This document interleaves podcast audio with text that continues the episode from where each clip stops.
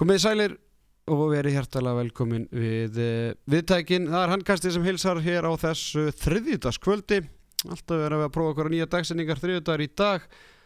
Uh, það er byggar vika, svo kvöldluð. Uh, Áttalugusleitin í Coca-Cola byggarnum, þeim er lokið.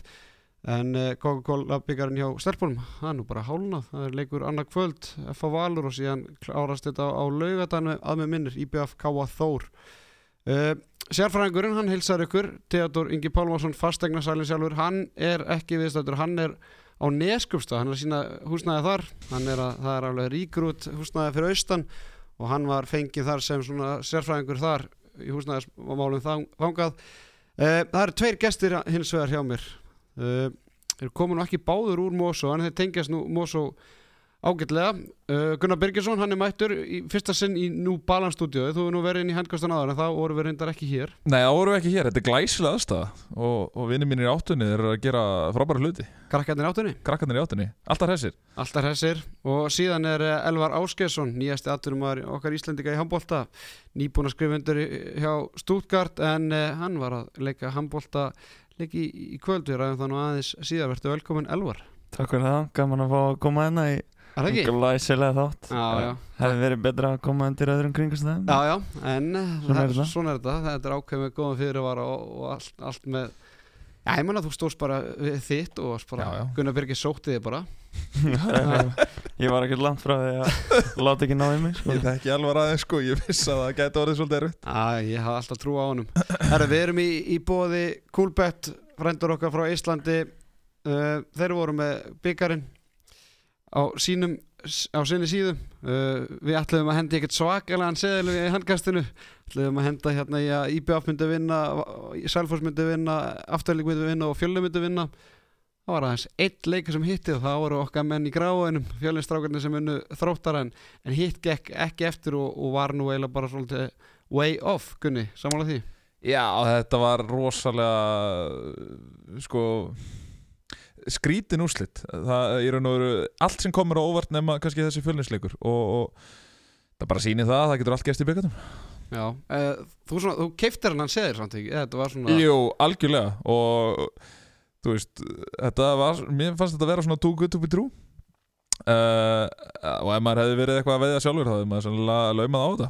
Já, en var uh, þú varst keppin, eða þú varst að keppi einu leik á þessum sæðli og hérna við kannski vindum okkur bara í þann leik. Það var leikur afturöldingar og FH, hann var að ljúka í, í Moselsbænum uh, staðan 15-10 fyrir FH í hálfleik og lokatölur 29-26 fyrir Hafringur Birgjum á Birgisson á markaðastur FH-inga með 6 mörg ásamt áspilni Friðriksinni kemur nú ekki óvart að áspilni sé meðal markaðastu manni FH Ágúst Birgisson með 5 mörg og Jakob Martin Áskisson fjögur að, að, aðrir minna. Kristófar Fannar Guðmundsson með 14 varða bolta hjá afturöldingu Töfum Steit Rúnarsson Finnur Ingi Stefánsson og Birkir Rauði Benediktsson markaðastu með 5 mörg Birkir fekk síðan beint rautt spjald undir lokleiks og Elvar Áskilsson títnæmdur, gestur þáttarins með fjögur, Arnur Freyr Stefánsson með 14 varða bolta. Bara vindum okkur strax í þetta Elvar. Hvað fór úrskeiðis? uh, Náttúrulega hef ég mikið leik hérna. Fyrstu 10-15 er bara líka katastrófa sem við missum það í 7-1 og 8-2 og spennustig eða bara auðmingjarskapur mögulega að mæti ekki til leiks í svona það sem er svona mikið undir. Og hérna, þetta var erfitt eftir það en, við náðum að klóra okkur klóra okkur inn í þetta og erum jafna stöður og tímdur eftir en það fóð bara sterkar á lokakamlanum og það bara greiðlega svekkjandi að vera ekki farið í höllina Mm -hmm. Svona fyrir þá sem hafa kannski ekki leikið leikin hvað þýðir það að mæti ekki til leiks en vera samt á staðnum? það er svona bara já, vera bara ekki klári í þann fighting sem handbóltaleikur er það er þú veist, fullandi kallmenn að slást í raun og veru og, og ef þú ert ekki 100% eða eitthvað annars sögur þá þá er hætt við að, að þú lendir undir í baróttinu og, og eigir erfitt uppdráttar það var, var svolítið þannig. Tapaði boltar og, og hérna íla hlaupið tilbaka og annars svona sem eru svona fókusatri sem að eiga verið lægi og eru ekki nei, og er ekki í lagi þegar hausin er ekki 100% Mhm. það er dýrt. Ég horfði á, á leikin og hérna svona með öðru augunum en ég var að multitaska yfir öllum hinnum leikunum sem var í gangi Mér leið aldrei samt eins og að þið væruð eitthvað langt frá þessu og það náttúrulega sýnir sig að þið jafnið í, í 22-22 og ég meina og þeim kapla þá er þið samt að klikka döðafarum, ég mani þið voru tveimur undir og, og þá klikka finnur yngi einhver svona hotnafæri slass hérna hraðaplöpi, skýtur fram í að fjær þannig að þið fengur fullt af tækifærum. Þannig að trúin og vonin hún var nú alltaf til staðar. Já, við mér fannst ég ekkert panika þótt að við vorum lend undir. Þetta var líka aldrei eitthvað svona veist, 10 eða 11 mörg þessum, svona nánast búið en það voru svona 5 og, náða, og við náðum alltaf svona 4 og svo 4, 4, 3 og svona trappa þetta niður og, og okkur leið ágætlega sérstaklega í setni áleik þá gekk þetta betur og eins og segir hérna, náðum, náðum jafnuleik en bara dætti ekki ákvað megin. Gunni, þú varst nú að varst nú að vinna á þessu leik? Hvernig horfði þessi leikur við þér? Þetta, þetta komið mikið á óvart í raun og veru, maður hefur oft séð sko öfunarleik frá afturhaldikaliðinu að þið byrji rosalega stert, alveg bara þú veist, allir alveg þvílít peppaði frá byrjun en svo dettir svolítið botnin úr þessu svona eftir því sem líður á leikin og kannski á loka mínútonum hafa þeir, þú veist eins og til dæmis bara á móti selfossi að svona á loka kaplanum hafa þeir svolítið verið að koksa en ég held einhvern veginn að þessi leikur yrði, þannig að þeir myndu bara byrja illa og eins og þú talaður um að mér fannst samt, mér leið aldrei einhvern veginn eins og já ok, er, það er bara búið að ganga frá þessu, veist, þetta er bara F á vinnu þannig leik eins og bara til dæmis uh, hérna, báðir leikinir raun og veru á Selfossi uh, þá fannst mér þetta bara byrja þannig að það var bara eitt lið sem var að fara að vinna leikin svo vinnur afturhalding sig inn í leikin aftur og þá þá held ég bara að þetta væri bara klárt að afturhalding myndi bara klára þetta. Mér varst bara andleysi yfir F-fóliðinu uh, props á, á Halldór að að taka hana leikli og leysa hvernig þeir voru að taka út ása. Taka mætunum mjög framalega og, og Gunni bara settur á hann. Setja ása í hotnið og, og þá var bara 20 stöðinni að, að ef hann myndi fylgja með honum að þá myndi þeir bara ná að spila venjulega bolta fyrir framann en ef hann myndi ekki gera það þá kannski myndi ásin á að taka einhver hraðaðplöp eða reyna að lauma sér úr hotninu eða eitthvað svo leiðis því að ási var bara með heitu höndin í kvöld eins og, svo oft áður. En, en uh, það er þetta rauðarspjald kannski á Birki sem endanlega fer með þetta fyrir afturhaldingu og bara og, þú veist óhefni af því að það er náttúrulega engin ásetningur í þessu hjá Birki og þeir sem þekkja Birki vita það að hann myndi aldrei fremja svona af ásettur á því og það er svolítið eins með þetta eins og rauðarspjaldið og allæg var að svona, svo veika von sem að, sem að heimaliðið hafði hún kvarf með rauðarspjaldinu og, og, og bæði þessi rauðspjöld, bæði að Birkir í kvöld og allir ævar í, í leiknum og í gær þetta gerist, eða dæmt eftir var videodómgæslu þannig að og þetta er krúsal moment í bæði skipti því Mhm. að sko eh, tölum kannski um þetta aðtöku á Selfossi setna í þættunum en, en eins og þetta, það var ekki sem dæmt fríkast á þetta og þetta er, hvað er staðan þegar þetta gerist? bara einhver eitt mark eða Já, til mér minnir að þetta sé eitt mark. Þeir skora annað markið úr hotninu þarna held ég.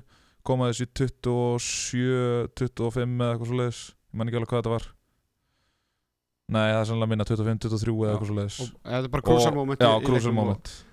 Svona, sástu þetta brot elvar í, í, í leiknum sjálfum eða? Ég sá ekki þegar hann fór í andlita á honum en hann hérna augljóslega var þetta brotið eftir að þeir skoða þetta og hérna ég held að þeir hafa bara skoðað eftir að þeir sáu kjaftin á honum sko. Að hann, Bjarni brýtur í sér báðar framtæðunar sko. Já, Já, það er náttúrulega oft rætt um svona afleðingabrót svo eitthvað við sér það að það er blóð eða eitthvað svona þá er náttúrulega um að gera að skoða sko, en, og þeir gera það í dag og, og í gær og, og hérna rétt ákvörðun út frá því Já, þetta er svona fyrra hefði kannski bara Selfoss og- afturleik var áfram bara út af það var ekki vítjóðdóngisla Já, ég, þetta náttúrulega munar alveg klárlega og, og hérna bara sjálfsagt við dómaran að nýta sér þetta þegar þetta er í bóði og þetta er bara svona er þróun sportsins og, og þetta er greinlega það sem þeir vilja koma inn í þetta og ég meina svo sem bara besta mál sko. Elvar, ég veit ekki hvort þú viljir svara þessu hérna bara reynd út en, en Gunni, þið getur kannski rætt þetta en Gunni, ég ætla bara að spyrja þig og Elvar má svara þessu Afturlík, hópurinn afturlík og hópurinn FH vantar Arna Freyr náttúrulega kemur inn og spilar eitthvað mínútur, Birgi kemur inn að vantar Einar Rapp, uh, Jói Larsen er ekki með og, og þetta svona bara hópurinn FH, við erum búin að ræða oft í vetur.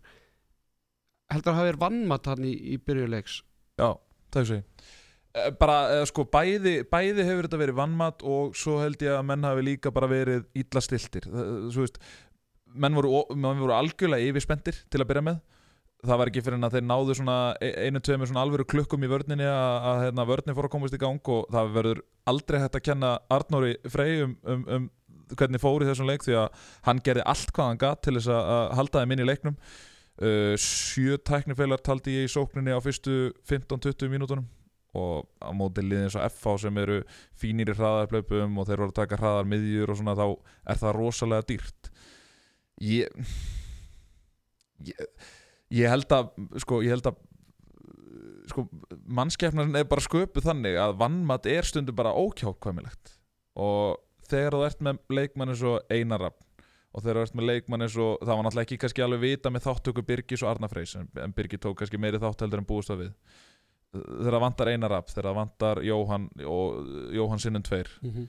og fleiri og fleiri þá, þá er það bara óhjákvæmilegt að, að hugurinn fer bara aðeins svona að reyka í það að það er kannski þú veist það er kannski ekki sama efforti sett í leikin eins og væri kannski venjulega en ég skal samt ekki segja það að afturhaldika liðið hafi algjörlega vann með þetta lið en, en á fyrstu 5 mínútonum, 5-10 mínútonum þá, þá virkaði það eins og, eins og þetta væri vannmatt Elvar?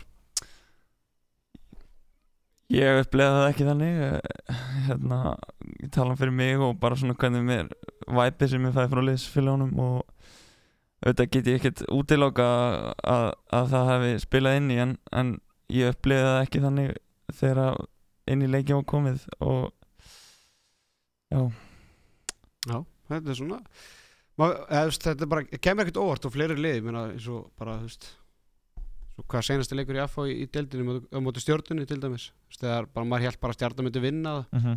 þú veist, en svo bara, bara raskjalla FA-enga stjórnunni Mm -hmm. uh, svona áður en við förum í, í næsta leik Halldór Jóhann Sigfússon og þetta FA-lið er þetta ekki bara veist, þeir eru búin að tapa tveimur leikjum í deildinni þeir eru tveim stöðum frá efsta uh, efsta sætunni í deildinni komin í Final Four.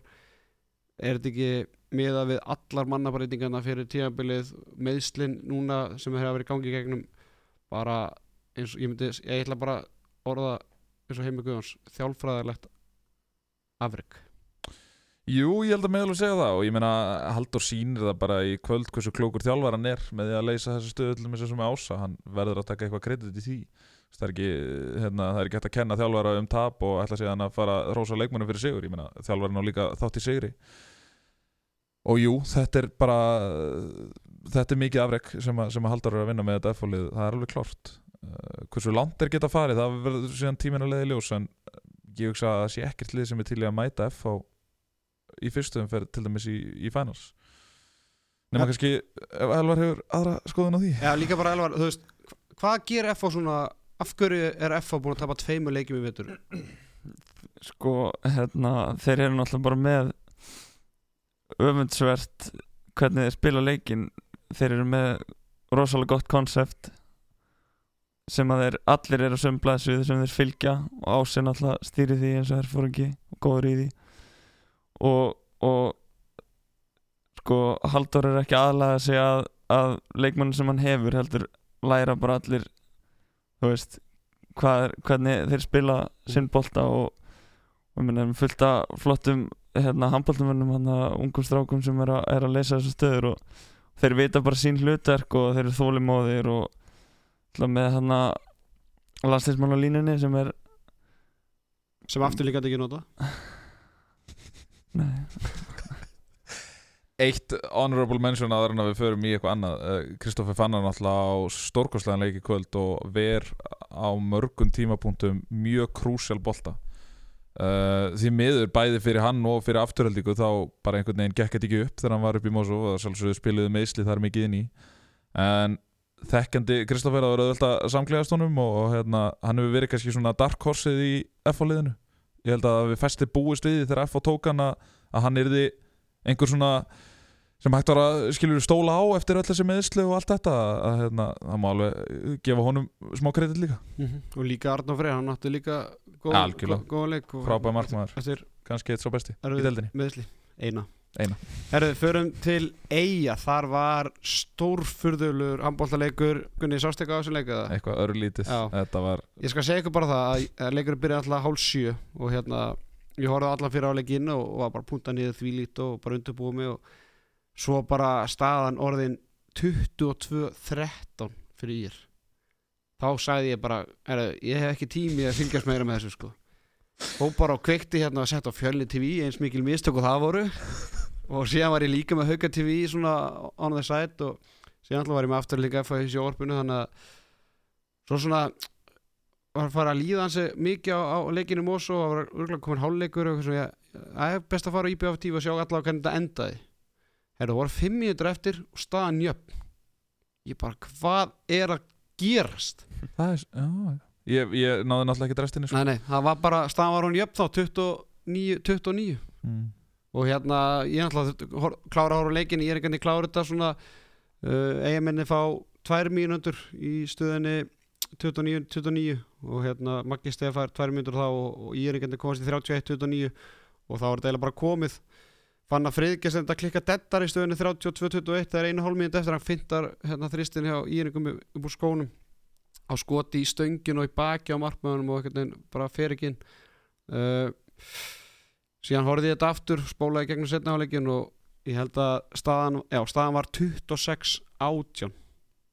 Og síðan breyti eigamenn stöðun í 28 já, alltaf 29-29 breyta stöðun í 28-26 þannig að þetta var svakalegt, það var 82 kaplið þarna og, og, og mómentið var með eigamenn Mm. þeir fá þarna tvær mínútur sem kostaði mark og svo klikkar hann í og þeir fá mark í baki þannig að en ég meina 22-13 á heimavelli og þá vantaði Steffen Nilsen var Og það- maður í er þessu Mm. leik var kynnerinn á heimaleikin Bjarki Fjalar held ég að hann heiti.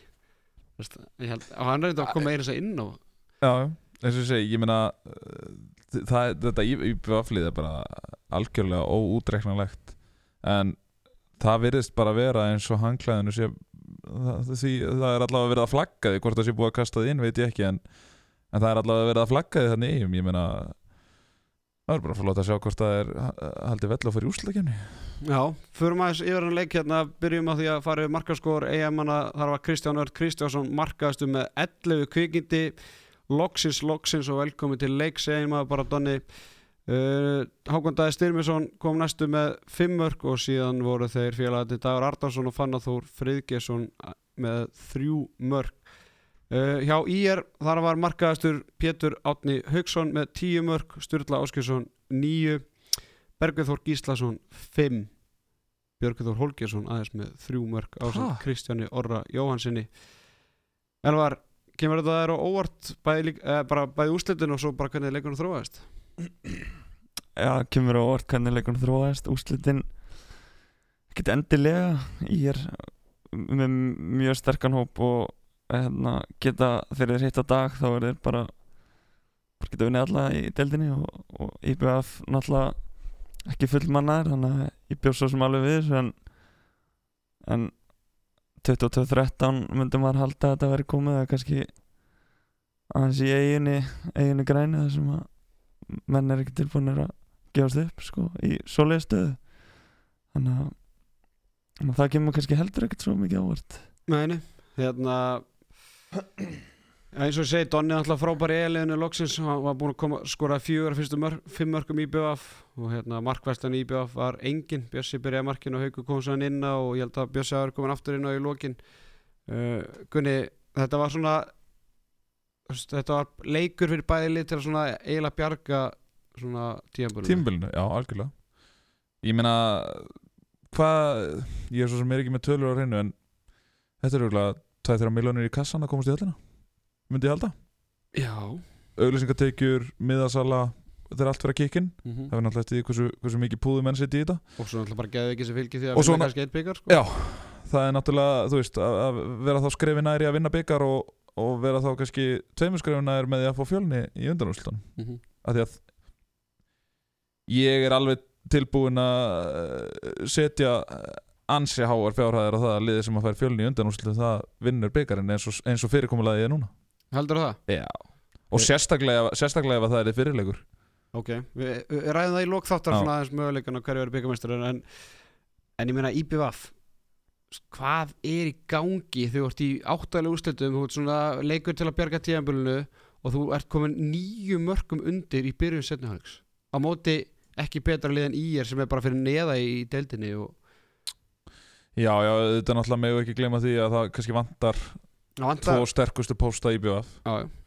og það eru náttúrulega flest liði í deildinni sem að myndu ströggla án sinna tvo, tvekja sterkustu pósta myndi ég halda uh, það er þá kannski svona uh, þú veist, Valur náttúrulega kannski án Agnars og, og ég heldur allavega, heldur sjó og vel það uh, á Selfossi. Þannig að þeir kannski kópera því að þeir eru með aðeins stærri hóp heldur en kannski hinliðin í deildinni. En ég hugsa að flest lið og í, í BF-lið eins og það er manna núna þá má það bara ekkert við því að missa Tetta og, og Sigurberg. Það gekk ekkert frábælega með þá en eh, getur rétt ímyndaði hvernig mun ganga á þeirra svo verðist vera sem að bara IBF líka hendi nei, hen, uh, í er hendi IBF fræðilega því að það, þeir eru búin að mætast núna þrísar í vetur IBF er búin að vinna nei, í er búin að vinna tvo leiki og einu sinni búin að gera jættabli senast bara í fjóra februar þannig að þá náttúrulega vantaði líka það sem að IR voru yfir allan leikin Já, já, 14-11 yfir í hálfleik og það Mm. mm. vantaði líka Begga og, þetta og fleiri menn voru klímaði veikit í, í þeim leik þannig að kannski kemur þetta ekkert vel óvart en alltaf bara hversu mikill munur var á liðinu hérna í, upphafi setnáleik sem alltaf frábært comeback og maður sá líka sko Kári Kristján var haldrandi hann í, í fyrra hálfleik bara, ég bara skil ekki hann hafi verið inn á þannig að tíabili hann var, virtist vera svo kvalinn og en þetta er, þetta er mikið sjokk og, og hræðilegt bara fyrir eiguna að- ná ekki svona fara í, allavega í semifænal, að fara í Final. Four eftir náttúrulega að vera þrefaldir mestarar senst tímabili og fara í hérna Evrópkefni og, og Mm. eiginlega fjórfaldir mestarar þannig að þetta er, þetta er ekkert spes. Nei og, og það er svona virðist vera einhver, einhver deyfði yfir, yfir eiginni og það er svona einhvern veginn fótboltinn eins og hann er og, og menn kannski veit ekki alveg stöðuna þar og, og svo handboltinn núna. Þetta er svona svolítið stöngin út allavega eins og staðan er núna en ég er svona litlar á að gera ég held að þeir rífi sig í gang og þú veist, þeir þurfa kannski að vestla eitthvað aðeins fyrir næsta tímabil og svona en, og halda kannski þessum, þessum sterkustu vopnum en, en ég held að eigamenn séu nú kannski ekkert alveg, alveg dánir úr öllum aðeins sko. mm -hmm. Elvar, IBF og IR eru svona í, er í sjött og áttunda sæti með 13 og 12 stig það er stjarnan IR og KM með 12 stig í, í keppnum að fara í áttalega úslit, heldur þetta að gefa IR mikið að fara í, í Four Já, helling sérstaklega svona inn í síðustu þrjá, fjóra leikina. Alltaf á meðan önnulið fór frí eru þeir að spila hana í byrjun mars og, og það og það tekur náttúrulega smá í en, en bara, þú veist, þetta þetta er hópin og, og bara fá að spila alveg úrslita leiki einn eða tvo hjálpar klárlega þegar þegar þeir fara að hrannast upp í, í lókdeldakefni þá er allir leikir úrslita leikir og þeir munu bara búa því held ég mm Ég ætla ég ætla að varpa bara út svona smá slúðri sem ég heyrði fyrir nokkur um vikum, tveim og þreim vikum uh, Þetta tengist ekkert endilega því að IBF hafa tapið þessu leik en það bara svona lítur ennþá betur að vera út fyrir mig að ég sé að varpa þessu núna. En, en ég heyrði það að Erlingur Richardson hafi fyrir árum og þegar allt var að fa- fara til fjandars stíið fram og verið tilbúin að hætta. Hvernig varst maður að heyra þetta eitthvað? Já, ég er svo sem heyrði þetta og heyrði fleiri sögur uh, maður svo sem veit aldrei hvað er hæft í þessu en ég hugsa sem bara, ég Þetta hver, hver, hver, hver, á, hver, á, að taka- hver á að taka við? bara allir píð Er hann ekki, ekki nóg að gera? Eitthvað, Ég veit það ekki En bara þú veist Þetta tímabil eftir að hafa, hafa sko verið þrefaldi mestari fyrra Já. Þetta er Já, já, og, kannski flestir sem, að, sem að hefðu kannski búist við því að ef að IBVF ætlaði sér einhverja hluti að þá myndu þau ná í markmann í januar ég held, að, ég held að allir hafi búist við því Bursi frá því hvort að þetta hefur gerst afbjörðinni sem gerist um jólum eða ekki sko. Já, Það var- ég, ég, já það, Tölum við þetta í september, oktober, november Já. og, og ég bjóst í jafnvel við, við því að við fengjum bara eitthvað alvöru nafn mm -hmm. í eiguna sko. það var það sem maður heyrði fyrir tímbil að þeir ætlaðu bara halda, halda velli fram á áramótum og svo ætlaðu þeir bara að fara í, eitthvað, í einhverja kanónu sem ættu bara að læsa í eigum skilur það gerist ekki og spurning hvort að veist, það hafi eitthvað verið í tengslum við það sem að Erlingur hafi ákveðið að, að kannski hans sæng væri útbreyt en Ég hugsa nú samt að það séu ekki margir aðri sem að væru betur í stakkbúnir að vera í brúni þannig heldur en Erlingur Ritsansson allavega eins og staðan er núna. Nei, Hann er góðu þjálfari. Já, maður, maður veit aldrei. Maður veit aldrei ef og hefði það er alltaf gaman að, pæli í því.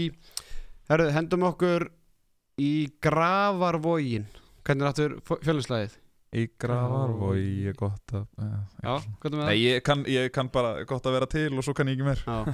Herðu, þar var grill 66 slagur fjölnir þróttur staðan 16-11 fyrir fjölni í, háleik lokatölu 33-19 heldur Vá. betur sláturinn hann sérstaklega í setnaleg var konið ykkur 10 mörgum yfir 22-12 og það slögt ég á fjölni TV samt velgert ég á fjölni TV þeir voru með eitthvað tvær þrjá kamerur og voru skipt á milli og Viktor Lekvi var bæði kynir og að lýsa. Ó, vel gert. Þannig að það var mikið fjör. Herðu, markaðistur fjölnismanna Breki Dagsson. Frendi minn. Frendiðinn, hann var frábær sérstaklega til að byrja með. Ég held að hann hafi komið 5 eða 6 mörk hana til að byrja með. Uh, Bergur Eili Rúnarsson, hann var með 6 mörk og Brynjar Loftsson Jafnvel svona nýji herra fjölnir Hann var komið 5 mörk Endaði með 5 mörk. Brynjar Óli Kristjánsson með fjögur Aðri minna hjá Þrótti. Það var ekki margt gott að tala um. Óttar Filip Pétursson og eh, Aron Valur Jóhansson með fjögumörk Styrmi Sigurðarsson, Jón Hjalmarsson og, og Mikael Ánis, hann er mættur áttur með, með þrjú kvikindi. Herri, ég nenni eiginlega ekki að ræða hann leik bara velgert fjölnir að vera komin í, í Final Four Gunni, hvað er þetta að segja? Já, þetta er náttúrulega bara því miður, ég meina það vita það náttúrulega allir og það er ekkit launungamál að bilið milli fyrstu deildar og úrvarsdeildar er bara gríðarlega stórt og, og þetta eru liðir sem er að fá ég, ég náttúrulega hef, ég hef lítið sem ekkert fylst með grill 66 deildinni en, en ég gerir því að fjölnir sé að vinna marga af þessum leikjum stórt uh, hafa kannski ekki verið að fá mikið af svona, hvað maður að segja, jafningaleikjum mæta svo í höllina á móti Já, það eiginlega skiptir einhver máli hvaða liðið þeir mæta, það er kannski IR sem að þeir gætu staðið í en ef þeir fá Selfoss eða FH það verður bara ljótt til því Mm. Fylgjast eitthvað með grillinu, Elvar? Ekki mikið. Nei, þú þarf ekki að skammast yfir það. Segðu bara sannleikan Náttúrulega bara leðilegt hvernig þetta er hvernig þetta hefur þróast. Veist, það eru hvað fjögulið sem eiga möguleika að fara upp eða fimm Já, ég meina, staðin er bara þannig að fjölnir er á topnum með 22 stig. Í öðru seti er Valur ung, eh, ungmennlið Vals með 16 stig. Í Já, þriðja seti er ungmennlið Hauka með 15 stig. Segð ekki með þróttu með 14, Háka með 14, Víkingu með 13 Það er bara, ég veit ekki ég, ég, ég, Þetta eru annað þriðaskipti sem ég segi þetta hérna í þættinum og ég bara, verði eiginlega að fara að kanna þetta en ég veit ekki eins og hvernig það er alltaf að halda, halda þetta umspil það sem eru bara þrjú lið sem komast í þetta umspil. Þannig að hvort það sé bara tvö Já, auðliðin komast ekki í umspilið. Það, ég Eru ekki um- þrjú bara? Þeir eru bara þrjú. Eða, Þetta er fjölnir sem fyrir upp og svo er bara þrjú lið bara þróttur já. vingur Þannig það að, er bara annars þetta fyrir bara beint í úrslit umspils. Já, sennilega og, há- og þá háka vikingur eins og stæðinu núna færi þá fyrst í svona umspilum að komast í úrstöldaleikin en, en, en ég, þú veist, já, ég ætla ekki að fara að ræða þetta núna þetta er bara velgert fjölnir og hérna, Já, já, algjörlega. en fjölnir voru í efstöldin fyrir að fjalla bara grátlega eiginlega bara, svona eiginlega bara þeirra mistöka að fallið og köstuðu frá sér mörgum sigurum í, í fyrra. En, en þeir eru greinilega á á leiðinni upp eru með aðeins eitt tapaðan leik í, í vetur. Uh, að vera gaman að sjá á móti hverjum þeir lenda. Herðu, þá förum við á, á Selfoss ég fór austur fyrir fjalli í gær. Varst á Selfossi? Já, já, já Varst í stúkunni? Já, já, já. Ok, vel gert. upp í hodninu Ok, með öllum velsörunum já, vel gert. Þeir voru margir? Þeir voru margir. Það var hérna félagslegt. Þriðjaflokkur kalla í fótbolta og fjóriðaflokkur kalla í handbolta voru saman í rútu. Þetta er náttúrulega dásanlegt að heyra. Frábært að heyra. Þetta, eh, til fyrirmyndar, fleiri félag sem mættu gera eitthvað svona. Herðu, eh, valsmenn, þeir unnu selfinsinga nokkuð sannfærandi 31-24 Eh, Anton Rúnarsson markaðistur valsmanna með 8 mörg Magnús Óli Magnússon 7, Sveinn Aron Sveinsson 6 og Vignir Stefansson, hann er komin aftur á parkettið með 4 mörg Ímjörar Gíslason með 3 mörg, ætlaði þessi ekki jafnmörg mörg og hann skoraði bara fyrir árumötið Nei, það Nei, svona, nála því. Herðu, hjá, hjá Selfoss Haukur Þrastarsson markaðist með sjömörk Herger Grímsson og Guðjón Baldur Ómarsson með fjögur Elvar Ört Jónsson og Nökku Dan Elleðarsson þrjú. Guðjón Baldur nota benni með fjögur í fyrri. Já. Daniel Freyr Andriðsson, hann var 11 skot Pavel Kibulski með 9 og Alexander Rappkjelsson með 1 Sölvi Ólfarsson var greinlega eitthvað glíma við meðsli Herðu, hvað er að byrja Gunni, viltu byrja á hvar var Robert Arn Horstert? Viltu byrja á domgæslunni eða viltu byrja, byrja bara á þessum Sigri Vals? Því að þetta kom mörgum ansi mikið óvart og Kúlbett þeir fóru hlæjandi í bankan eftir þetta eftir þennan sigur. Já, svo skilst manni. Uh, ja, Robert Aron alltaf ég hugsa, það, það er ekki launangamál en hann var í einhverju aðgerð í, á augnbeini eða eitthvað svona. Já, það, það var eitthvað brot hérna fyrir neðan augað mhm. eh, sem hann hlaut eh, já, ég reynda að veit það ekki ég veit að sem hann hlaut bara á í, fyrir utan barning- B5 Nei, Jú, jú, nei, er það? Bara fyrir utan B5 fyrir tveimur helgum. Ok, það er enda vissi ég ekki, ég gerði bara ráð fyrir að þetta veri handbóltatengt Nei, hann hérna valsararnir á, á svona sérfræðingnum gerði sér góðan dag eftir sigur á móti stjörnunni fyrir einhverju tveimur helgum. Skelltum okkur á dönsku krána og fórum svo á B5 síðan bara lendir Robert í því að, að mér skilst að bara vera gildur. Af, uh, ég þekki nú ekki alveg hvort að það hafi bara er einhverjum erlendu manni. Og þetta er bara lögreglumál. Þannig að hann, og hérna svo spilaði hann í leikin í kjölfarið en hann ætla að byrja á bekknu í þeim leik og ætla ekkert að spila mikið svo hann ætla að færi bara Agnes Már í baki og hann ætla bara að búa að greina hann með brjóskloss. Þannig að Robby þurfti að koma hann inn á móti í er og það var bara, hún leið bara ekki vel og, og hérna, það bara blætti og þannig að hann fór í myndatöku og þá sást bara á með brot í hérna í mitt. Þegar stað fyrir neðan kinnhólunar eða fyrir neðan augað og hérna hann þurfti að væri bara strax í aðgerð. Þetta er rosalegt. Já, frá í ykkurar, fjóra til sex, átta vikur. Það minnir mann bæði á Aru Pálmars málið, og þegar Jósip sem var alltaf hjá var þegar var verið Mhm. meistara hann var alltaf að kýtla líka fyrir þetta B5 mm. þannig að það er eitthvað þarna að milli þess að vera í, haug, nei, vera í val og, og fara á B5 mm.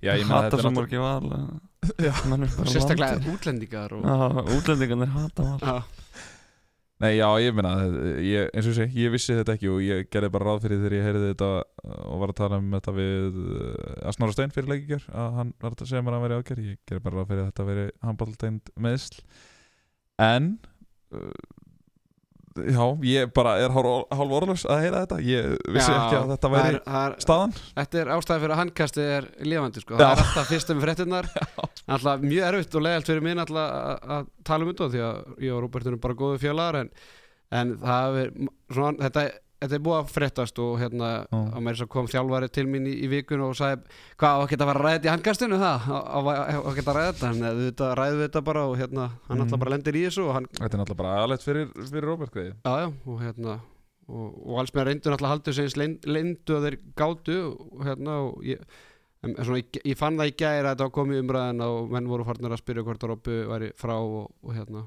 svo heyrði ég efst það voru fleiri sem voru farnir að spyrja mig hva, hvað er gert á B5 og svona þannig að þetta var nú komið aðeins í umræðina Elvar, þú, eins og þú vissir aðeins til dæmis Já, þetta var, þetta var komið á klefann okkur mm. Mhm.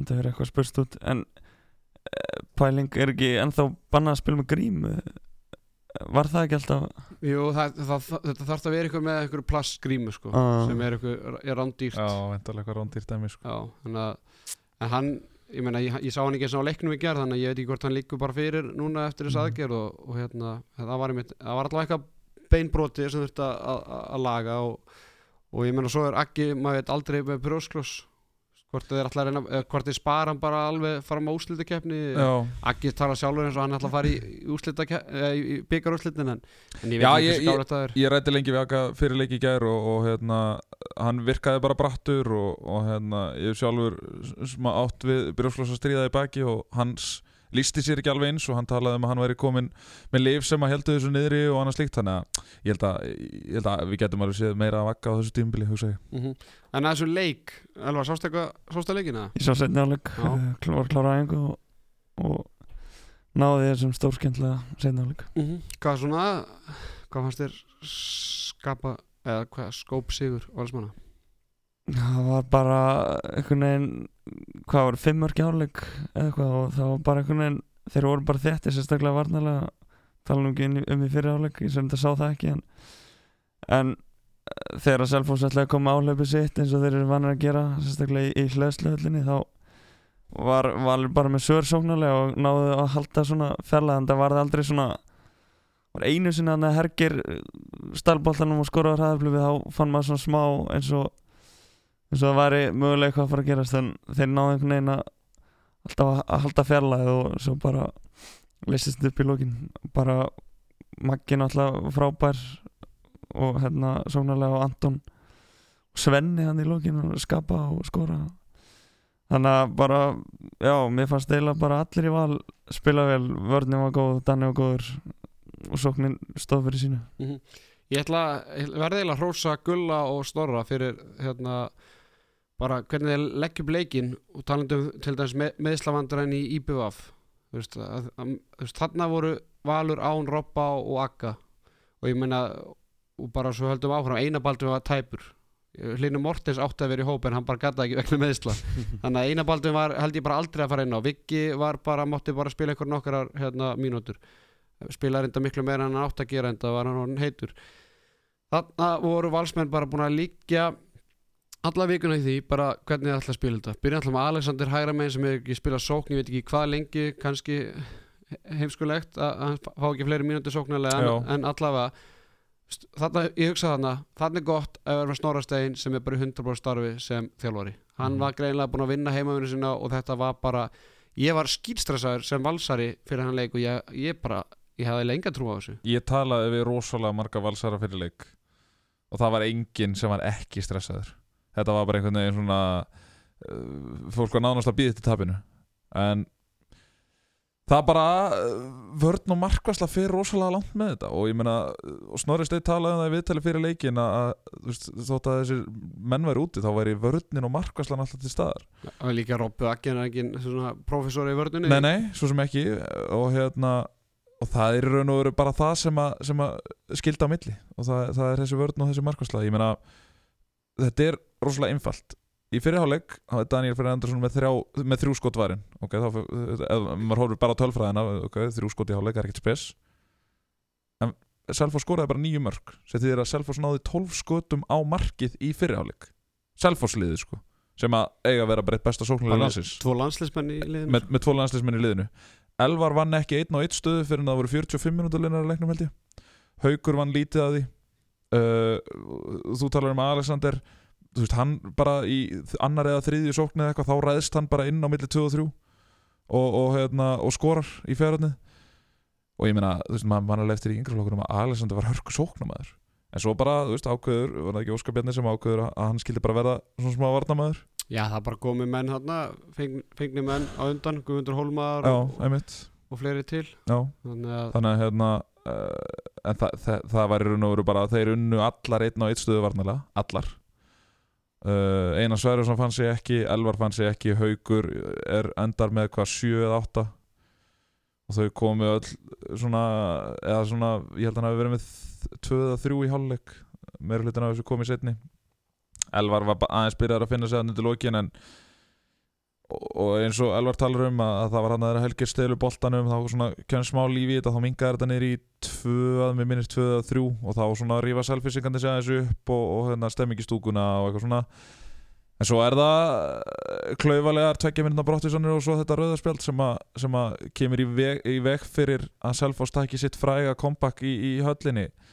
Nýbúnur að gera það náttúrulega á móti IBVF þar sem að þau voru yfir hvað í 30 sekundir leiknum eða eitthvað? Og það var bara að loka 30 sekundar uh, sko fyrir mér ok, úsleitin segja kannski ekki allt 31-24 selvfísika fara hann í maður og mann og, og, og alveg skora bara eftir hverju sóknar fætur annar í Já, lokin. enduðu líka fjórir inn á vellinu með eitthvað. Já, já.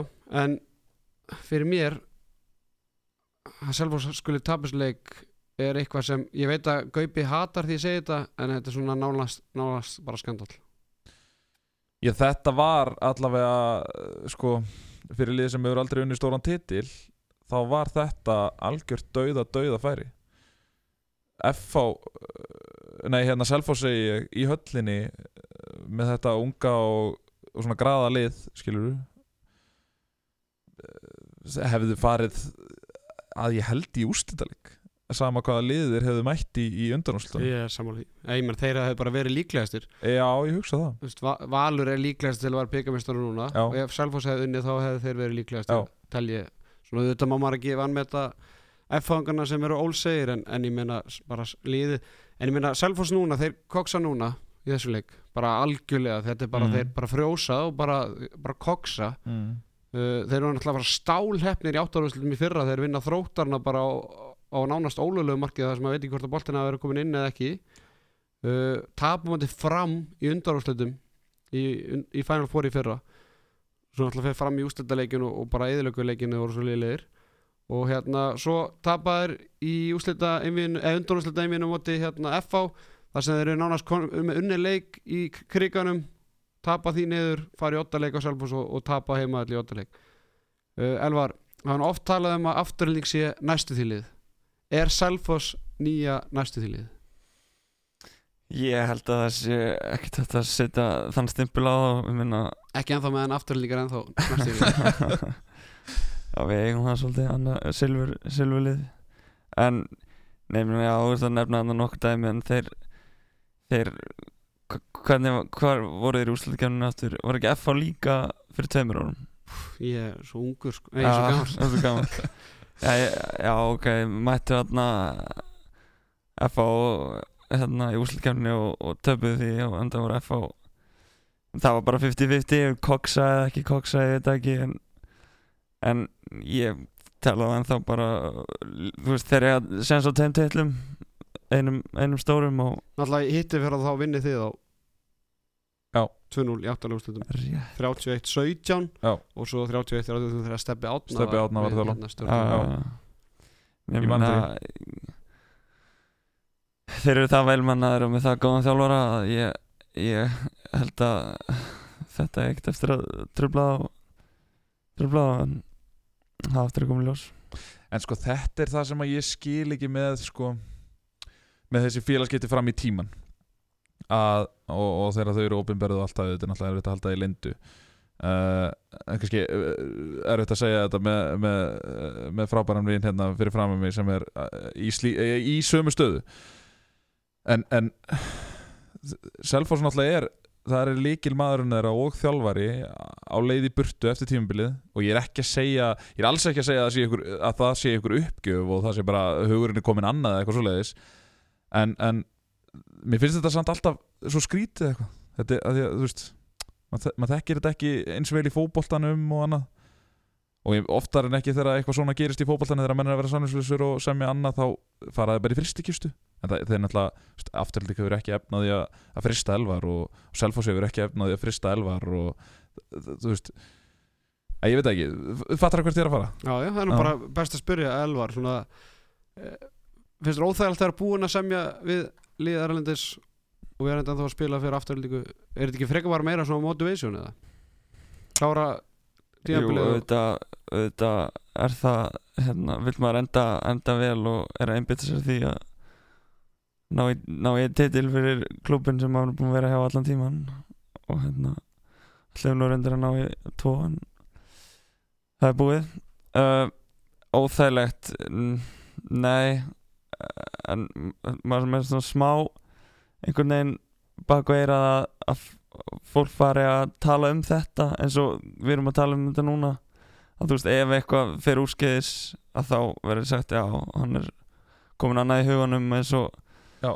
eins og er oft, oft talað um eins og þú veist að tala um með fótboltamenn og, og hérna en ég, ég veit ekki þetta er bara einhvern veginn menningin í handbóltanum er svona þú veist liðin er að setja saman liðin sín þú veist þetta er meira næstu svona Íslandi þú veist þessum að þú veist þetta er bara alltaf að fara að staða núna menn er að fara að loka þú veist rostetnum sínum bara bráðum nánast og, og ég meina Erlendis er þetta bara félagskiptin er að eiga sér stað núna og,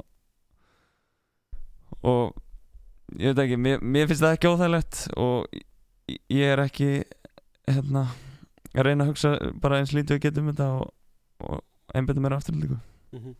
En, en ja, þú veist, auðvitað skilum og þú veist, þetta er náttúrulega bara keppnismenn skilur og maður veit að Elvar uh, Elvar er langar ótrúlega mikið að klára uh, og kveðja félagið sitt með titti allavega í byli og, og sama hlýtur að vera með Elvar Örn. Ég menn þetta eru leikmenn sem að alast upp í félaginu og, og vilja sjálfsögðu enda á því að skilja eftir þessu svona ákveði legacy og það er náttúrulega bara mjög skiljalegt ég velti því fyrir mér er, er hægt að halda þessu lendu? Eða þú veist kannski fyrir að fyrst að máða?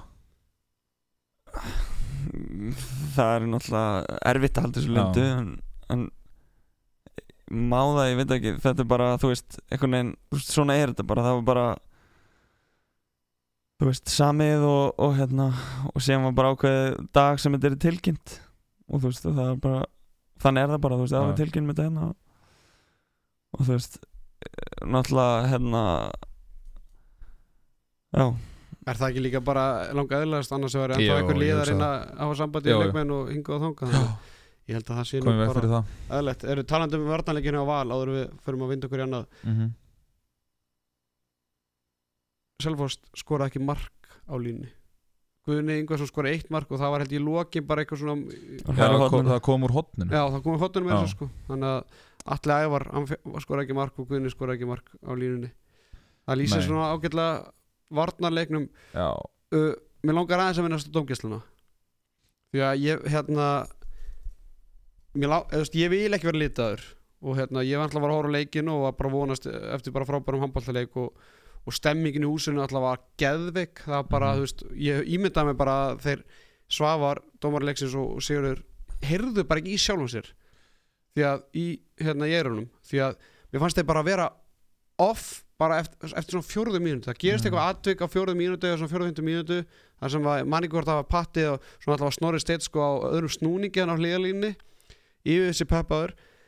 Ég fannst þeir bara ekki eiga sens eftir fyrstu miðstökin þeir, bara, þeir voru alltaf að reyna að redda sér og ég náttúrulega hendi á Twitter í, í dag þess að ég var að tellja upp ykkur atrið sko, þá bæði varandi hérna, Selfoss og Val það sem Mhm. mér fannst kóruna þetta var þegar þið ætlaði að gefa orra hérna guldspjald, svo mm. ætlaði að gefa orra guldspjald fyrir einhverju tuð átt að segja á því síðan tíu sem setna var komið guldspjald og þetta gefa hann tvær myndir Ég held aldrei nefnilega sko, ég held meira þess að hann hafi ekki átt að segja því Ég held að hann hafi fengið skilabóð frá reytraborðinu Já, um að hann væri komið guldspjald Já. og þá náttúrulega verður hann að gefa hann tvær Þú Krú- veist, hann getur ekki tekið guldspjald tilbaka nei, það svona, þú veist það er, vend, það, það er vendipunkturinn í dómgjöslunni bæði tel ég mig ekki vera í stöðu til þess að tjá mig um dómgjöslu uh, en, en mér fannst það vera vendipunkturinn í dómgjöslunni því að eftir það þá fannst mér línan flakka svolítið Hvernig var þetta rauðaspjald á, á allagar? Ég sá þetta ekki í sjónvarpinu ég... Eller sást þú þetta í sjónvarpinu? eða? ég sá þetta svona Já, mér fannst þetta ekki vera raut Ég er ósamála uh, Hérna uh, Svenni er að segja á hann að þeir eru að taka tvo út minni mig og Svenni er að segja á hérna með Ími milli 1 og 2 og er- í vinnu þar 2 og 2 og allir ætla svona að grípa hann einhvern veginn svona á neglan og fer bara, þú veist, Svenni er alltaf neðarlega og, og fer bara með hendina svona frekar harkalega andlitið á honum og ég meina það er búið að vera dæma raut á þetta allavega síðan í september og, og en er það ekki villan út þegar maður sá nokkur svona brota HM það var ekki raut nei, það er bara ekki sama línan sko. Nei, Það er bara því Æ, ég veit ekki ég, en, þú veist, en, en er, er, er það við að gera villu eða er það bara er það bara the way it is? Eða, þú veist, eigi ekki að vera sömu handbóltareglur Nei, ég held það ekki. Því miður, ég held að það sé bara hver, hvert samband er bara með sína línur Mm. eitthvað svona. Ég, mm. veist, En þetta er mjög eðlileg spurning. En þetta þá er þetta náttúrulega HM, þá er þetta með EOF Við ætla erum að fara eftir EOF Já. Þannig að ég er svona Þetta er mjög uh, svona, svo, Sko, uh, ég, ná- ég, þú veist þegar ég er að lýsa þá uh, detti stundum út sko en um, sko Orri Freyr, ég held ég sé ekki að fara með villust en við minnir að Orri Freyr hafi farið með höndi andlit í fyrirháleik og fengið fyrir það tveikja minna brotusun ég veit ekki hvort ég sé að fara með réttnafni en það var allavega, það var farið í andlit í fyrirháleik uh, ég ætlaði að skoða þetta áður en ég kom ykkar en svo var bara svo mikið að gera í vinninni uh, en ég held að ég sé að fara með rétt mál. Og það var ekki raut það var tveikja minna brotusun ég er svo sem ég er ekki búinn að sjá þetta aftur með alla ævar nema bara í endursýningunni. Og, og þegar þeir fóru síðan að skoða þetta. Uh, og það er náttúrulega þannig að þegar þeir fara að skoða þetta þá náttúrulega þurfa þeir að vera 100% vissir um að, að þetta sé uh, rautspjald til þess að í raun og veru breyta ákvöruninni á vellinum.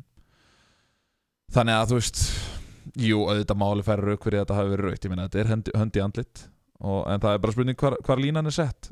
Já, það er nú bara, handbóltinn er nú bara þannig það er nú yfirleitt bara mjög loðin lína bara, það, það voru nokkur skipti báðum megin það sem að, það sem að menn hefðu Haukur Þrasta fór melli 1 og 2 og fekk ekki sinni, sko, fríkast það sem að ákrúsjál moment. Já, var, sko, það var í áhlaupinu sko. Já, það var líka Svavar ytridómari og ég sá bara hann var tilbúin að taka sprettin en Sigurður bara hann bara fröys mm. sama líka þegar hérna, Ímir og, og Haukur skullu saman. Þá er ég alveg sko 98% vissum að Haukur hafi verið svona 10 cm inn í tek eða skilur bara allur inn í já. þegar þeir skullu saman Mhm. en, en þá Svavar hendi bara í fríkastar. En við þurfum ekki að ræða mikið um, um, um það. Herðu, það er sem sagt Valur IR Fjölnir og FH sem eru komnir í úslitin Final Four. Uh, vindum okkar aðeins í, í stelpunnar þar eru tvei leikir búnir. Uh, í gær fór fram leikur Selfoss og fram á Selfossi staðan 17-5 í háluleik fyrir fram. Ég held að það komist eitthvað í 13-1 já. Já, ég það held að það komist held ég 13-1 Selfoss að búið skora 1 mark eftir 21 14 mínútur. 14-2 Lokatölu Var 34 20 og uh, 22 setna álugur enda held ég 17-17 Já, það er bara horrið til Já. Herðu, hverju voru markaðistar hjá Selfossingum í þessu leik? Jú, það var eða það voru þær. Steinun og Þóri Já, hjá Fram. En hjá Selfoss voru Perla. Rutt, Harpa Solveig og Katla Maria markaðistar með fjögumörk Huldadís Þrastadóttir með þrjú. Hjá frömmurum þar var uh, Þórið Rósa Stefansdóttir og Steinur Björnsdóttir með se- átta mörk hvor 16 sam samtals. Kæra Knútsdóttir fjögur. Gunni, þú sást hana leik uh, bara sláturinn, yfirburðir og mikið gaman. Já, þetta var bara ótrúlegt, ég hef aldrei séð svona sko. Þetta var bara Fyrstu mínútur leiksins Ég bara Ég held að Selfoss væri bara með annarflokki sinnin og og, og hérna munar um að sjálfsögðu að Hrafnildur Hanna er ekki með En, en Það þetta því- ásand ekki að gerast Það má ekki glemma því að Selfoss var samt að tapa leikjum í deildinni með hrafnildu henni og móti liðum eins og bara, eða ég ætla ekki að það var móti stjórnunni eða HK eða KF sko. Mhm, mhm. þannig að einhverju leikir sem átt að vinna með hrafnildu henni voru að líka Það er tapa náttúrulega verið óefnar í mörgum leikjum Já.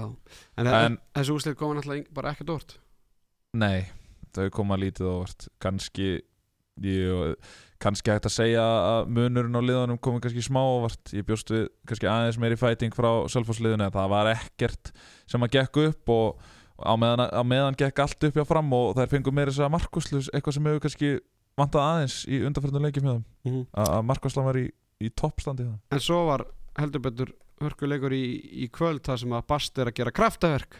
Heldur betur, Basti Nós hinn svo kallega sérfræðingur á stöðu sport stjarnan, það er unnu haugana í framlengdur leik 23-22 ég held að loka tölur eftir venjulega leiktíma hafa verið 19-19 Þóri Anna Áskeiðsdóttir og Stefania Teodósdóttir og markaðastar stjórnuna með 7 mörg Þóruldur Gunnarsdóttir 5 hjá haugum Arja Ínes Pereira da Silva með 6 mörg og Ramónu Pekast skýta með 5 Ragnar Sveinsdóttir 4 Hildur, var, var Kristín Guðmunds ekki markaðist? nei nei, var með 1 mark Já, hún hefði verið að leggja upp bara. Já, já, hún var bara að kvíla sig fyrir Final Four Já. var líðinu best. Því líka.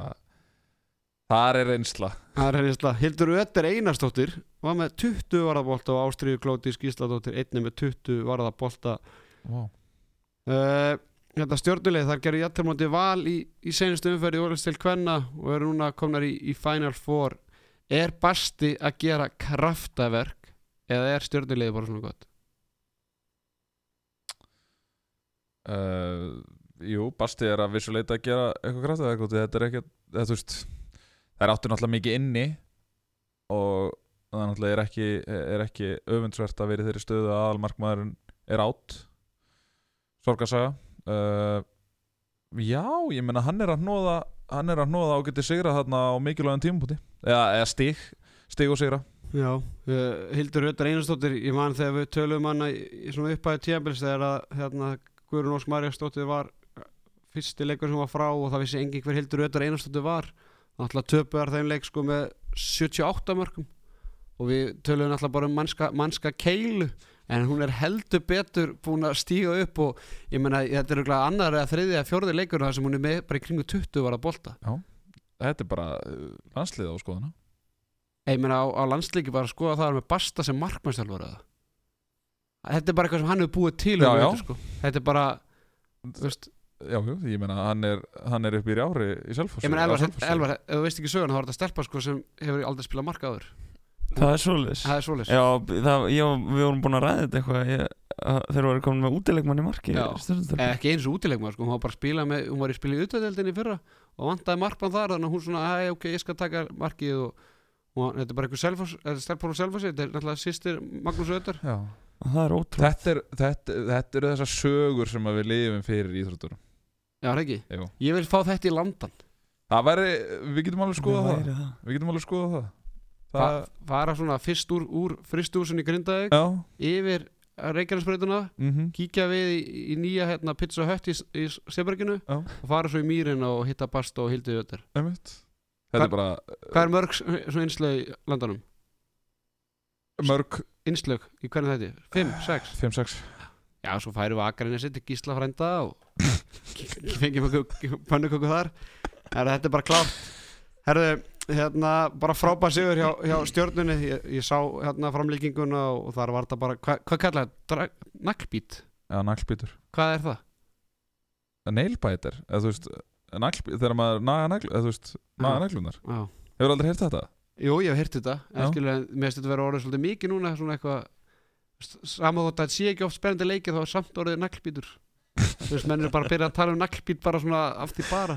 Þú veist, ég var að spyrja skilur, hvað er, af hverju er það allt í orðið svona vinsalt núna, skilur Já, ég tala nú meira um þetta kannski eftirleik. Já, þegar, einhver, leikur var naglbítur það er kannski erfitt að tala um naglbít fyrirleik. Já ég, ég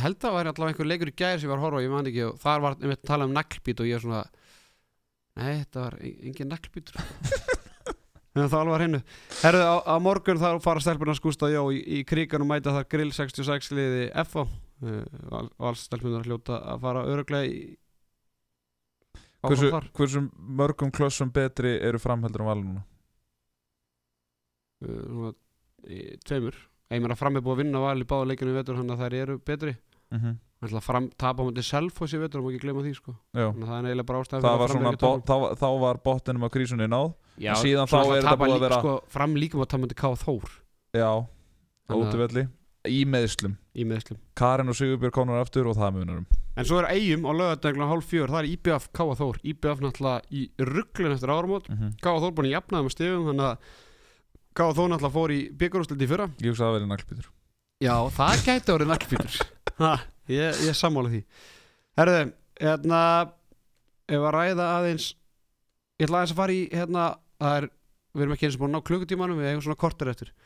Hérna, Final Ha. Four Final Four er framöndan Þetta leggja Final Four er framöndan uh, Elvar, þú náttúrulega uh, leiki í Final Four. Uh, Köruboltinn var að ljúka sér að senustu helgi það sem var stelpunar leiku undan úrslitunum miðudegi, kallunar á fimmtudegi og svo úrslitaleikinar á lögadegi uh, Handboltinn, hann er fimmtudag stelpunar, föstudag strákarnir og svo leikið til úrslita á lögadegi Ég hef svona aðeins verið að hlera handbolta samfélagi, bæði þjálfara og leikmenn og bara svona áhuga menn, eða svona fréttamenn og svona. Þeim finnst þetta vera eða svona finnst þetta vera rugl finnst karfan vera að gera réttulegin og alltaf eða þú veist, fylgir handbóltinu kjölfarið, handbóltinu bara tölvart lengur í þessu. Þeim finnst körfubóltalegin vera betri. Uh, Ertu, getur þú verið sammála því? Já, ég, maður verður bara að vera sammálaði ég menna fyrir hvaða tveimur árum þegar við vorum annað þá þá erum við að spila setnileik og fyrir mig framlengingu held, já, bara einu framlengingu en samt, já. Og leikunum er klárast eitthvað tíu hálf ellu og og eftir að fara í úst, ísbað og, og pott og, sem við drifum okkur í, í, í lágfélslag svo ertu að fara heim og þú veist, þetta var veist, þetta tók á alla tögarnar þessi leikur sko og maður var ekkert að sopna bara upp á 12 sko, svo er bara leikur klukkan fjögur daginn eftir þannig að þú veist, þú nær ekki einu svona almennum svefni og og þú veist, þetta er bara erfitt sko en þú veist, þetta var maður ekkert að hugsa um það þá en ef maður mætti velja þá myndi maður klálega að taka 50 að lögudagur þá ertu bara að fá líka einhvern veginn þú veist, þá eru aldrei þessi umræðum setni leikur, fyrir leikur, þú veist, hvort er betra eða þú veist, allt það. Þannig að já, klálega finnst mér þetta að skoða Gunni, Já, þetta, þetta er náttúrulega alveg góð og gild rök en á meðan að á meðan að heims, heimsmeistaramótið er spilað þar sem að menn spila dag eftir dag að, að sem er er notabenni líka bara kjæft það Já, bara, og, og ég, sko, ég skil ekki alveg þess að, að, að svona einhvern veginn að keira þetta svona í gegn út af því að þú færð miklu betri, þú færð miklu meiri gæði í leik ef þú færð eitt kvildat á milli. Það bara segir sér sjálft. Annars ertu bara með nokkra þarna sem eru bara í henglum skilur þú barningurinn á línu í 60 mínútur og ætla síðan að fara að spila veist, sama barning daginn eftir. Þetta bara, dæmi gengur ekki upp Nei, ég hérna rætti til dæmis við hérna, Finn Frey Stefansson, Finnur sem allt vinnur. mm. hérna, fimmfaldur Íslandsmeistar með Káur og ég veit ekki hvað og hvað.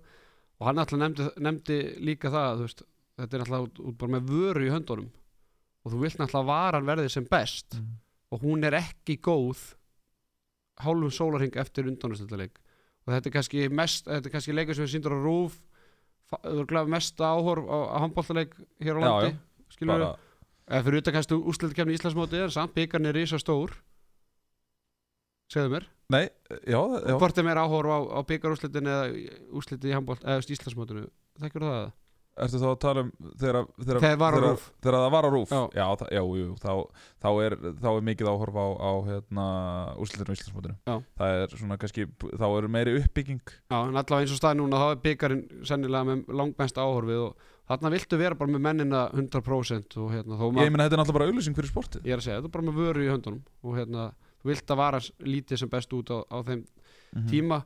Uh, svo náttúrulega önnur umræða þú veist, er leikirnur að snemma að spila 17.30 þú veist, á 50, hvort sem það er miðvitað 50 og föstar, frekar færa þetta yfir til 6 og þá kortur yfir 8 setni leikurinn, þar að segja að það er ekki hægt ef það er föstar lögadagur uh, á að gera þetta bara eins og Final Four í, í meistardildinni, spila þetta bara lögadag sunnunda eða bara jafnvel bara 15 fösta og svo sunnunda sem ég segja bara af hverju er þetta á lögadegi Mhm. Er það bara svo að menn geti fagnin á BF5 og vera svo kýldir í kjölfarið?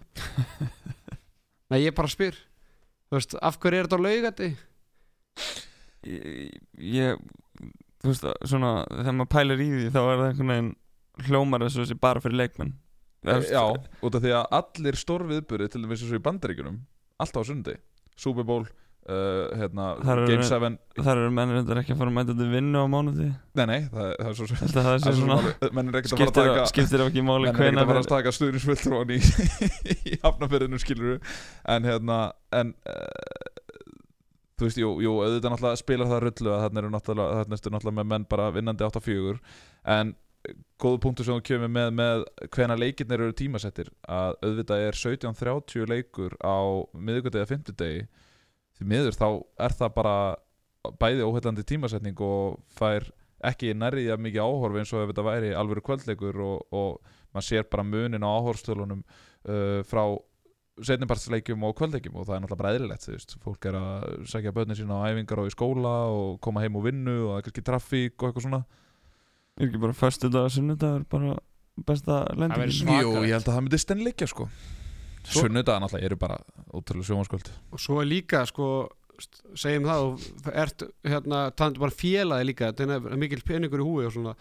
Segjum að þú sért li, kalla leið í, í setnileik í undanhanslutum og föstaskvöldi, vinnur þann leik. Þú hefur valla fjóra tíma á lögatöðinu til að skipuleiki eitthvað svona undirbúning, veist pizzuveislu eða Mm. bjór og þú veist, fá okkur skemmtikraft eða eitthvað, þetta er bara og svo auðvitað er það líka þannig að þú, veist, þú getur ekki verið að hugsa eitthvað um laugatað án þess að vera komið á okkur Nei, svo er það, svo er það annað þú ert ekki að fara að undirbúa úrstættarleik sem þú ert ekki komin í Nei. þannig að það eru allir lið kannski ok, kannski aðeins var undirbúa en ekkert ofinberlega skilur þannig að veist, sérstaklega eins og stelpunar það er leikur, hvað, hann- er hálf tvö að tvö hvað, pizzuveisla fyrir krakkana og eitthvað svona bara fyrir háti og Mhm. mm það er bara ekkert spennandi við það Nei. Ég held að það sé líka bara högg að vera, þú veist, ef, kannski á fimmtudegi eða miðvikudegi 17.30 í fyrirleik, þú veist, þau ertu bara að selja þeim mun meiri, færri miða, skilur. Já, Þú veist, miðasalinn er bara hellingstekjur fyrir þess að klúpa og, þú veist, kvöldleikur versus, hérna, fyrirleikur að munar rögla einhverja þar á, sko. mm Ég ætla að vona að þetta verður, eða vonandi verður bara tekið fyrir á næsta ár, árstingi HSI og, og bara breyta, þetta ekki er mikið flókið að breyta þessu. Nei, Herðu, hérna fjölið áfram í, í kallaflokki, ég ætla nú bara að fara að ljúka þessu en við langar að heyra það, við erum að fara að ljúka byggar umræðinni. Hverju verða byggamestrar, Gunni? Valur 100% valur eða þú sagðir áðan að liðið sem fær fjölni í Já, þetta verður, verður Valur fjölnir og, og, og hérna FH fær uh, IR í setnileik og hvaða lið fer í úrslitin? Uh, Já, FH, þetta verður Valur FH just. Ok. Elvar, hva, hvar, hvar er þú á, á þessu?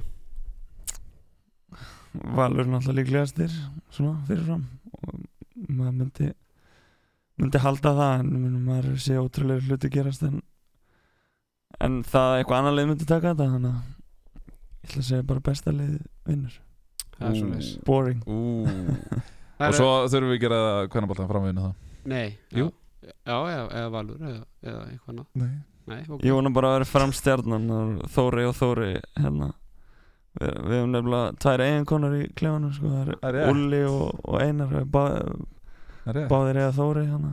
Heldur að Valur vinni? Nei, ég sagði, bara, maður veit aldrei. maður getur allt gerst. það- Já, já, og eins og er búið að sína sig síðustu tvo daga Já. Herðu, Elvar, ræðum aðeins hérna, þína framtíð næst, svona, senstu fimm minúturnar í, í, í þættinum. Þú er nýbúin að ganga í raðir Stuttgart í, í þýsku búndeslíkunni. Uh, segja okkur aðeins frá þessu liði og, og hversu stórt stökk þetta er fyrir litla kjúklingin úr, úr Mósinsbænum. uh, liðið er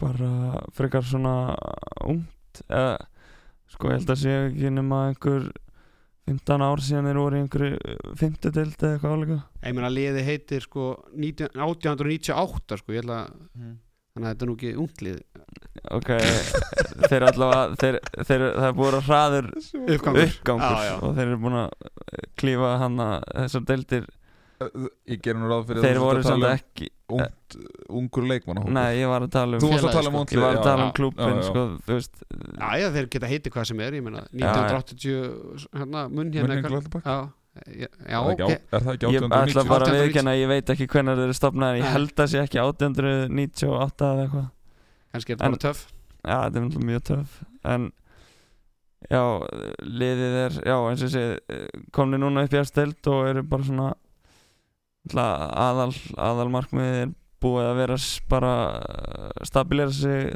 stabilera sig Mhm. þar og eru búin að vera núna þetta er fjórða sísonið í búndisleikunni og eru bara að byggja hægt og rólega og hún á það að vera byrja að halda sér uppi og, og halda síðan sigla, sigla leiknan og, og svo náttúrulega er þeir með hálít markmið en þeir gera sér grein fyrir að þeir eru ekkert að fara að vinna þetta kannski á næstu árum en þeir stefna hátt og, og hérna og bara hver var hins spurningin? Já, bara hversu stórt stökkendur Já, já, þetta er náttúrulega gríðarlega stór stök. Veldur mér smá svona ugg að hugsa um að fara að spila mútið kíl úti og svona en það er náttúrulega bara ástæðan fyrir maður í þessu. Og bara spennandi fyrst og fremst en ég veit að ég þarf að halda vel á spöðunum og styrkja mig bara í öllum þáttum leiksins til að geta staðið mig vel og já. Voru mörg liði sem komið til greina? Það voru nokkur. Segðu nú nöfni fyrst út komin í handkastið? Uh, geðu okkur eitthvað smá hérna. Það var Það var nú eitt lið opinberað í sjónsveitum stöðu Já, það var eh, hérna Balingen sem að mistu Martin Stróbel hann að voru að leita sér á svona bráðabyrða miðmanni út þetta tímabil og og hérna og þeir höfðu samband uh, hérna svo var eitt lið í Fraklandi sem heitir Ivri já, yfir Já, sem er í Paris Það var einhver, einhver þreyfingar þar en það fór aldrei neitt á stað uh, Stuttgart var alltaf kosti nummer eitt eftir að hafa heimsótt þá og hitt var allt svona smá hold en auðvitað voru farnir að líta svona kringum okkur þegar var farið að liða á janúar bara til að brenna ekki inni með Stuttgart og þá er allir, allar aðra dyrir lokaðar Ja, Ertu í hata þetta? eða? Nei, en já, Dana Ok Og Danmörk aldrei inn í myndinni eða? Jú, það var, það var líka eitthvað, að vera að skoða. En þú lítur ánað með Þískland, Þískland hún ansi stórta land. Ha, ég, var í, ég var í Þísklandi núna bara að háa mig í, í munnin og ég var svona íhugað svona hvað hva var langt að fara til Köln og eitthvað svona skilu villir eitthvað og ég meina þetta er ekki, þetta er ekki, þetta er ekki smá stórt land.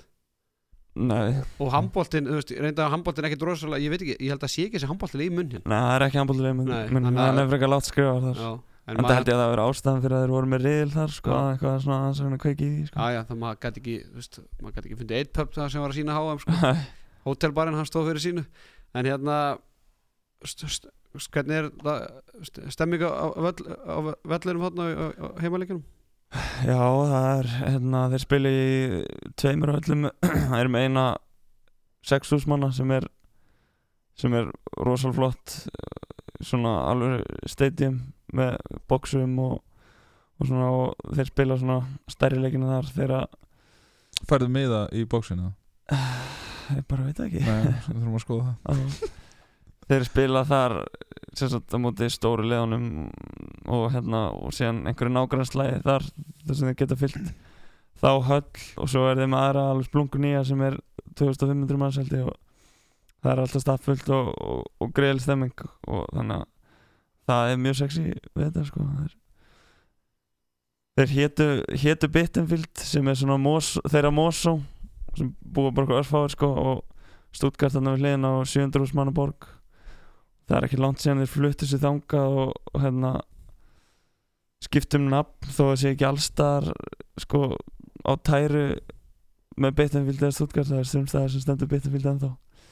En, en já þeir fóru þangað til að auka áhuga og spila þar og og það, það er greiðlega áhuga hana á þessu svæði eh, var mér sagt og bara mjög spennandi að fara í svoleiðis umhverfi Það er lungu, þetta fyrir utan Gísla Þorgir sem hann fór nú til Kíl og er kannski ennþá, ekki ennþá góðan í hvað stórt hlutverk og hann alltaf bara ungur og, og fer svona í sumu ferðal og Aron Pálmas en nú ansið langt síðan að leikmar á þínum aldrei fer til Þýskalands, Danmörku búið að vera svona nokkuð vinsalt að undarvarni algjörlega og, og ég bara bara ógæslega stoltur af þessu múfi það er náttúrulega hérna veist, ennþá stærsta deild í heimi og, og hérna eins og segir maður er orðin svona frekar gamall í svona þú veist maður er ekkert ungur og efnilegu lengur skilur og, og eftir þú veist fótbrotið fyrir það sem að Já, ræðum það eins Já, endilega. Ver, Verður fl hérna, eh, flýgur heim næsta janúar þú jólatri Hörru, við mistum jólatræðasöluna sem var greiðalegt högg. Nei, söluna, við erum alltaf að segja söluna. Já, Þetta er- er er tínsla Já, tínslan, já. Já Nei, þetta var uh, það fengi okkur aðrir uh, sem voru útlutuð annað núna. Þannig að þetta sé off. Þannig að þú ert kannski bara döðslífandi fegin? Já, vildi að ég láti þetta bara vera eitthvað? Viku, áður þetta gerast þá var ég og Elvar á, á húllandi fyllir á Tenerife. Þú varst, alveg rétt. þú varst lagur þar. Sæta minninga Það var í mjög slagur, það var helviti góð, góð Nei, tíma. Þetta er náttúrulega Þetta er eins og stort múf Það er, það er svo leiðis Og það sem að, nei sko, málið er líka með þetta að það sem að Elvar er að gera þarna er eh, annað en kannski aðri sem er að fara til Danmörkur og annað að þannig er Elvar að fá miklu, miklu fleiri alvöru leiki veist, það er Kíl heim og heimann, það er Ræningar Löfven heim og heimann, það er Flensburg heim og heimann veist, og svona mætti Magdeburg heim og heimann veist, svona mætti lengi telja og meðan að kannski ef þú ert að fara í eins og, eins og til Danmörkur og svona þá eru alltaf steddi mjög margir leikir þar sem að þú ert einfallega bara að fara að valta Já, ef þú ert í Það fyrir alltaf eftir góða í hvað liði, lið sko. ert. Já, já, það fyrir náttúrulega eftir hvaða lið það ert en, en þannig er hann að fá gríðalegt magna af öflugleikjum og, og, og þegar hann stabilisera sig í liðinu þá náttúrulega uh, mínum að þetta náttúrulega gera hann rosalega stert tilkall til landslýsins og, og það er einhver ástæða fyrir því að þeir leita til hans bæði uh, ballingan uh, til þess að replacea mann sem er að spila 15-20 mínútur í Þíska landsliðinu Martin Stróbel og fyrir um heimsmeistara með fyrir um heims- og erupumestara með Þískalandi Mimi Kraus þá er einhver ástæða fyrir því að þeir leita til Elvars og, og það er náttúrulega uh, leikmaður sem að getur veist þetta er leikmaður sem að getur búið til og er skótóknað fyrir utan og hefur náttúrulega þessa hæð sumulegis mm -hmm. Talandu við landslið alvar náttúrulega ert ekki að, að hérna, berjast við neinn lítilmenni í íslenska landsliðinu. Hvað er svona sérðu standa í, í hérna svona þessari keppni sem þú ert í á móti leikmennum eins og Gísla Þorgeri, Elvari, Haug Óla og Árni og öllum sem Janus Dada Ég meina ég er náttúrulega bara fyrir aftan á skilur í dag og hérna þetta er náttúrulega gríðarlega gríðarlega hörsamkenni að koma hann upp þrýr komnir upp þrýr gull kálvar í minni stöðu þannig að það verður ekki ekki auðvelt að komast inn í landslið en auðvitað er það bara burt séð frá því hver er fyrir fram að mig eða eða hver er, já, hver er í liðinu það var það bara draumur að, að fá að spila fyrir landslið og er bara markmið og svo verður maður bara að sjá til hvað framtíðin byrja skautið sér. Maður bara gerir sitt besta og, og sér, sér til. Þetta ætti allavega að hjálpa þér eitthvað? Já, ég ætla að vona það. Það við, þekkjandi Elvar og hafandi þekkt Elvar síðan 2008 þegar ég flytti í Mósulbæ uh, erum strax mjög fínir vinnir þá rosalega auðvelt að samgleðast honum að hérna, þú veist, vitandi hvað hann hefur lagt á sig. Og það er ekkert langt síðan að ég og Elva voru saman í bjeliði þriðaflokks í afturhaldíku síðan þá þá hafa handbóltaferðlar okkar allavega að fara í sig ykkur áttina og, og, og Elvar hefur lagt gríðarlega mikið á sig og ég veist ekki um það að, að hann verður komin í, í byrjunlist útkart og farin að, að dæla mörgum og stóðsendingum og, og og fljúandi mér út á leiki. Það spurði hvort að landin leggur Já, ég, ég hafði nefnilega hugsað þetta þannig sko að ég myndi mæta á kýlleik og þú veist uh, hérna, sjá leikin og svona taka sér kynningu og vera með Niklas Landín svona, hérna, hæra með við mig. Ekki Gísla Þorger Nei, vera með Niklas Landín, hæra með við mig og segja, Landín helsar hérna úr. Guð minn góður. Já, svona, þú veist Þetta er þetta hugmynd sem að fættist þegar Þorkeli Gunnari uppalega En hefur landin farið út við landstinn? Já, ég, Grænland og Færiðar og, já, það er, það er alveg fordæmi fyrir því sko. Já, já. Robert Ég er ennþá að ná mér eftir þetta. Þér þetta ekki gott? Já, ég takk um mér óvart þetta. Mér fannst, mér fannst Þetta er bara svipuðu kalibur og 1869 Já, en það er engin djók sko, ég er bara að fá þetta hérna. Herðu, hérna klukkan slæðir miðnætti Ég veit ekki hvort þið trúið þið ekki en, Er þetta en grunast það? Nei, ég er ekki Kona verður brjáluð, sko. Þannig að ég bara vil þakka ykkur kærlega fyrir komuna Gunnar Birgesson sjóasmaður sjóasgerðamaður hjá landanum sem það ekki, Dagskrargerðar dagskrargerðamaður og Elvar Áskjörsson, leikmaður afturlíkar Takk kærlega fyrir að koma þrátt fyrir kannski slæm úslit í, í kvöld. Takk fyrir mig. Takk hjá fyrir mig